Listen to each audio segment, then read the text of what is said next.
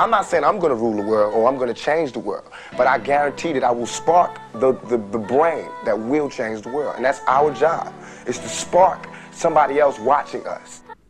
Jij bent op de wereld gezet met oneindig veel potentie. En alles wat je nodig hebt zit alleen je. Het enige wat je te doen hebt, is er naar durven kijken. Dit is de Held en de Spiegel podcast. Ik ben jullie host, Mike. En ik hoop dat alles goed met jullie gaat. Sinds ik me kan herinneren ben ik al een, eh, een gamer. Wie van jullie heeft eh, ooit eh, zijn Nintendo-spel moeten schoonblazen om het vervolgens weer te laten werken? Als je dat niet hebt meegemaakt, dan weet je ook niet wat, wat echt game is.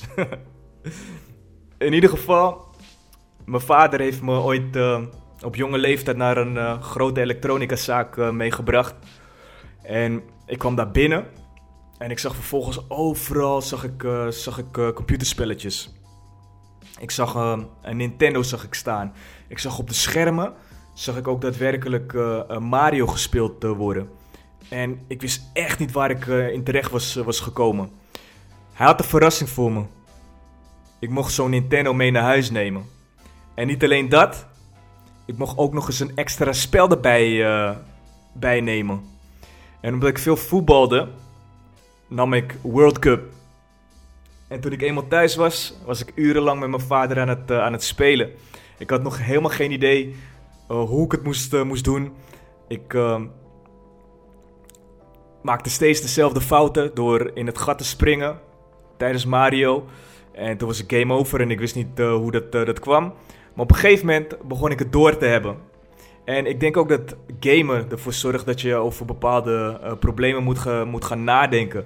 En oplossingen moet gaan, uh, gaan zoeken. Dus dat je cognitieve gedeelte, um, dat je daar echt daadwerkelijk mee bezig bent en dat je dat ontwikkelt. Ik heb altijd plezier gehad in het gamen. Alleen ik was niet zo fanatiek dat ik uh, niet meer naar buiten ging. Want ik was ook nog altijd aan het, aan het voetballen, met vriendjes afspreken. Alleen wanneer ik dat niet deed dan was ik wel aan het gamen. En ik kan me nog goed herinneren dat ik uh, elke woensdag ging naar Videoland om spellen te huren, samen met mijn vader. En omdat ik daar een vaste klant was, zeiden ze van, weet je wat, we gaan een uitzondering voor jou maken. Je kan pas een, pasje krijgen wanneer je 18 bent, maar jij gaat hem nu al uh, krijgen. Jij bent hier elke woensdag en jij gaat extra korting krijgen met deze pas. En ja, ik was super blij natuurlijk. Ze hadden me ook uitgenodigd meteen voor een Street Fighter uh, toernooi. Met, uh, ja, ik mocht spelen met Blanca en ik was in de eerste ronde was ik al uitgeschakeld. Maar dat alleen al, die privilege en dat ik ook nog eens mocht meedoen aan een, uh, een game toernooi, live. Ja, dat was een, een super mooie ervaring. Toen ik ehm, met judo kampioen werd. Toen haalde mijn vader me op vanuit de dojo, uh, Hikari. En uh, hij had een verrassing voor me, omdat ik uh, had gewonnen. En ik maakte het pakketje open en ik zag daar Super Mario 3. Ja, en blijer dan dat kon je me niet krijgen. En het leerde me eigenlijk dat je bij elke overwinning het ook mag vieren. Dat je even je rust mag pakken en dat je ook plezier weer mag, mag hebben. Vervolgens heb ik eigenlijk uh, niet heel veel meer gegamed. Het is pas later weer uh, uh, begonnen. En met PlayStation. Toen was ik NBA Street aan het spelen, Def Jam, um, Tony Hawk. Nog wat andere games waarbij ik echt dat arcade gevoel had. En dat is waarbij je gewoon gamede om, de, om het plezier. Als ik bijvoorbeeld vroeger naar uh, Spanje ging, dan was ik te vinden in, uh, in de gamehallen. Uh, weet je, met, met een pistool in mijn handen. En ja, dat vond ik schitterend. Weet je, dus het heeft altijd. Heb ik gamen. Um, heb ik gelinkt aan plezier. Het is ook een van mijn mooiste herinneringen wat ik, wat ik heb met, met mijn jeugd. Dat ik met mijn vader aan het, aan het gamen was. Ja, dat, dat, dat bracht me voldoening. En op een gegeven moment kwam ik in een uh, wat moeilijker periode terecht. En in die moeilijke periode ben ik meer gaan gamen. Um, vervolgens heb ik eh, me verdiept in Call of Duty. En ik, werd, ik wilde beter worden. Want het competitieve, dat is denk ik al ontstaan op een uh, jonge leeftijd. Al bij Mario. Ik wilde, mijn vader wilde ik al verslaan. Dus competitie, winnen. Um, ook de sporten die ik deed, ja, dat zat altijd al in me. Dus Call of Duty, dat was een game wat me echt raakte. Dat ik dacht van ja, hier moet ik beter in, uh, in worden. Ik ging filmpjes ging zoeken op YouTube. Ik ging uh, verschillende manieren ging zoeken. Ja, en toen vond ik iemand die echt aan het rushen was. Waarbij ik dacht van wauw, dit wil ik ook. En ik speelde dag in, dag uit. Ik wilde me verbeteren. Ik wilde de beste worden. Ik was aan het oefenen. Ik ging uh, voor bepaalde problemen die op mijn pad kwamen, ging ik uh, oplossingen bedenken. En ik was zo intens bezig dat ik op een gegeven moment um, had ik uh, werk gevonden.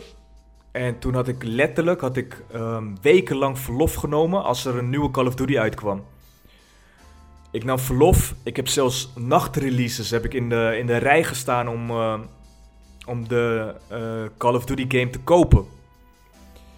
En ik had maar een paar uur slaap, want ik wilde prestige. Ik wilde uh, de, de beste zijn. Dus het was, voor mij was het bijna een verslaving. En eigenlijk als ik nu ga nadenken over het hele proces van het gamen... is ik heb daar echt heel veel plezier in gehad. Ik heb sommige games gespeeld dat ik dacht van ja, leuk. Uh, het verhaal wat er was. Uh, GTA bijvoorbeeld. Um, heel veel sportspellen ben ik altijd fanatiek in, in geweest. Ik heb bijvoorbeeld heel American Football begon ik uh, te snappen en te leren door een game. NFL, NFL 2K. En het mooiste inzicht wat ik heb gekregen is toen ik um, op een gegeven moment stopte met gamen. Ik was me zoveel gaan verdiepen in Call of Duty dat ik uh, zelfs een gamingkanaal ben begonnen. Ik begon aan YouTube en vanuit daar 16.000 abonnees. Ik wilde mensen entertainen, ik wilde mensen beter maken door ze tips te geven. Um, en ik heb daar, ik kijk daar met een hele, um, ja, met een lach kijk ik daar naar terug, weet je, met geluk. Ik, vond het echt een van mijn mooie, mooiste perioden. Alleen op het moment dat ik wat meer aan mezelf begon te werken, vanuit die moeilijke periode heel veel dingen ben gaan aankijken, de confrontatie ook ben aangegaan, uh, daarop actie heb ondernomen toen begon ik het inzicht te krijgen. Dat gamen voor mij niet alleen plezier was, maar het was ook een ontsnapping. Ontsnapping uit de realiteit. Als ik bijvoorbeeld uh, een RPG speelde, een roleplaying game, zoals Final Fantasy, was ik helemaal met mijn hoofd was ik in die wereld. Ik was niet meer in de echte wereld, waar ik problemen had, waar ik pijn had, waar ik verdriet had. Ik was in een fantasiewereld. En daar wilde ik eigenlijk in, uh, in leven. Als ik een character moest maken, wilde ik die zo goed mogelijk maken. Ik wilde zijn skills upgraden. Ik, met FIFA maakte ik altijd mijn eigen speler. NBA 2K, ik maakte altijd mijn eigen speler. En ik stopte daar zoveel energie in om die pers eh, personage, een game personage, beter te maken. Dat ik dacht, waarom doe ik dit niet in het echte leven? Wat ben ik eigenlijk aan het doen, joh? Ik gooi mijn tijd gooi ik letterlijk gewoon weg. En niet alleen dat ik mijn tijd weggooi, maar ik sta niet stil. Bij mijn pijn, bij mijn verdriet, bij de dingen waar ik tegenaan loop. Ik durf de confrontatie daar niet mee aan te gaan. Het eerste wat ik doe is, ik, ik duik weg. Ik speel verstoppertje met mijn leven. Dat is wat ik aan het doen ben. Ik zet geen acties uit. Het enige wat ik doe is op het moment dat het wat moeilijk gaat, dan ben ik meteen aan het gamen urenlang. Want dan ben ik verdoofd. En iedereen heeft wel zijn eigen verslavingen, denk ik. Of een, manier uh, waarbij je verdoofd uh, wordt. Voor sommigen is het drugs, voor sommigen is het drank. Voor sommigen is het misschien uh, seks, misschien andere dingen. Voor mij was het gamen. En nu dat ik zo ver ben om te kijken, terug te kijken naar die periode, denk ik van ja, ik heb een hele mooie periode gehad als het gaat om, om gamen. Maar het was super extreem. En het inzicht kreeg ik op het moment dat ik eh, heel veel bezig was met de persoonlijke ontwikkeling. En op een gegeven moment liep ik ergens in vast. En ik had al jaren niet gegamed. En wat deed ik? Ik pakte mijn PlayStation, ik zette hem aan. En vervolgens zat ik weer helemaal in de zone. Was ik weer bezig en wilde ik uh, characters maken ehm, die de beste waren. En toen dacht ik, ja, hier verspil ik mijn tijd dus, uh, dus aan. Waar verspil jij je tijd aan in dit leven? Heel veel mensen zeggen tegen mij: Ik wil een mooie vrouw, ik wil een gezin, ik wil financieel onafhankelijk zijn. Alleen ik heb geen idee hoe. En vervolgens wel scrollen, social media, continu bezig zijn met gamen, continu bezig zijn met verkeerde vrienden. Dan denk ik, ja, inderdaad, waar verspil je je tijd aan? Wanneer is het moment voor jou om inderdaad gewoon die confrontatie wel aan te gaan met jezelf en te denken, waar ga ik naartoe met mijn leven? Waar zit nog wel pijn? Durf ik die aan te kijken? Durf ik letterlijk te voelen en te zeggen, oké, wat heb ik nu te doen? Durf ik daarop actie te nemen? Want geloof me, je weet meteen wanneer je je tijd verspilt. Dat voel je. Het, is, het zit in je lichaam dat je denkt van ja, ik had tijdens het scrollen, ik ben nu al zoveel uur verder, ik had eigenlijk andere dingen kunnen doen met mijn tijd. En iedereen heeft dezelfde 24 uur op een dag. Maar de ene die haalt er echt van alles uit. Terwijl sommigen de tijd inderdaad verspillen. En tijd kan je niet meer terugkrijgen. Helemaal is het meest kostbare wat er is, tijd. En als ik aan het einde van mijn leven, als ik een, een opa ben, dan hoor ik mezelf niet zeggen van ja, weet je, ik heb vroeger Call of Duty gespeeld en ik heb uh, Moabs uh, gehaald.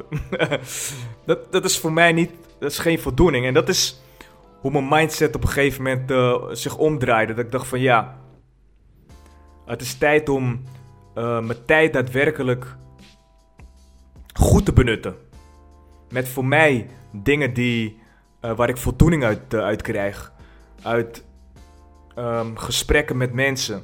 Uit mezelf ontwikkelen goede gewoontes. Meditatie, boeken lezen, naar seminars gaan, trainingen volgen, mezelf ontwikkelen. En daadwerkelijk ook um, te kijken naar wat voel ik, welke pijn heb ik, wat ga ik hiermee doen. Wil ik het verdoven of wil ik daadwerkelijk wil ik hier uh, vanaf? Blijf ik mijn tijd verspillen om een held te maken in een videogame? Of ga ik de held in de spiegel zien? Misschien wil je wel professionele gamer worden. Het zou kunnen. Of game je met vrienden. Het is helemaal niet erg. Dat zeg ik. Ik heb heel veel geleerd vanuit het gamen. Ik heb geleerd om samen te werken. Ik heb geleerd om uh, mijn hersenen te gaan uh, gebruiken. Om uh, problemen op te lossen. Waar ik het over heb in deze podcast is meer verspilde tijd. Wat ga je daarmee doen? Welke keuzes maken voor jezelf? Wat, wat, wat voelt goed? Waarbij je denkt, ja, als ik dit met mijn tijd doe en ik kijk terug op mijn leven, dan heb ik een mooi leven gehad. Voor elke verslaving is er een vervanging, een positieve vervanging. Op een gegeven moment, toen ik niks meer had aan uh, televisie kijken, heb ik de televisie weggedaan. Ik heb nog steeds geen televisie. Toen ik niet meer wilde gamen, heb ik mijn PlayStation aan de kant gezet in de kast. Waarbij ik er niet meer bij uh, kon, uh, kon komen. Hetgene wat geen bijdrage heeft aan mijn groei of aan mijn geluk, volledig elimineren. Lichter worden. Dat is de key. Ik wil jullie bedanken voor het luisteren. Blijf groeien. En peace.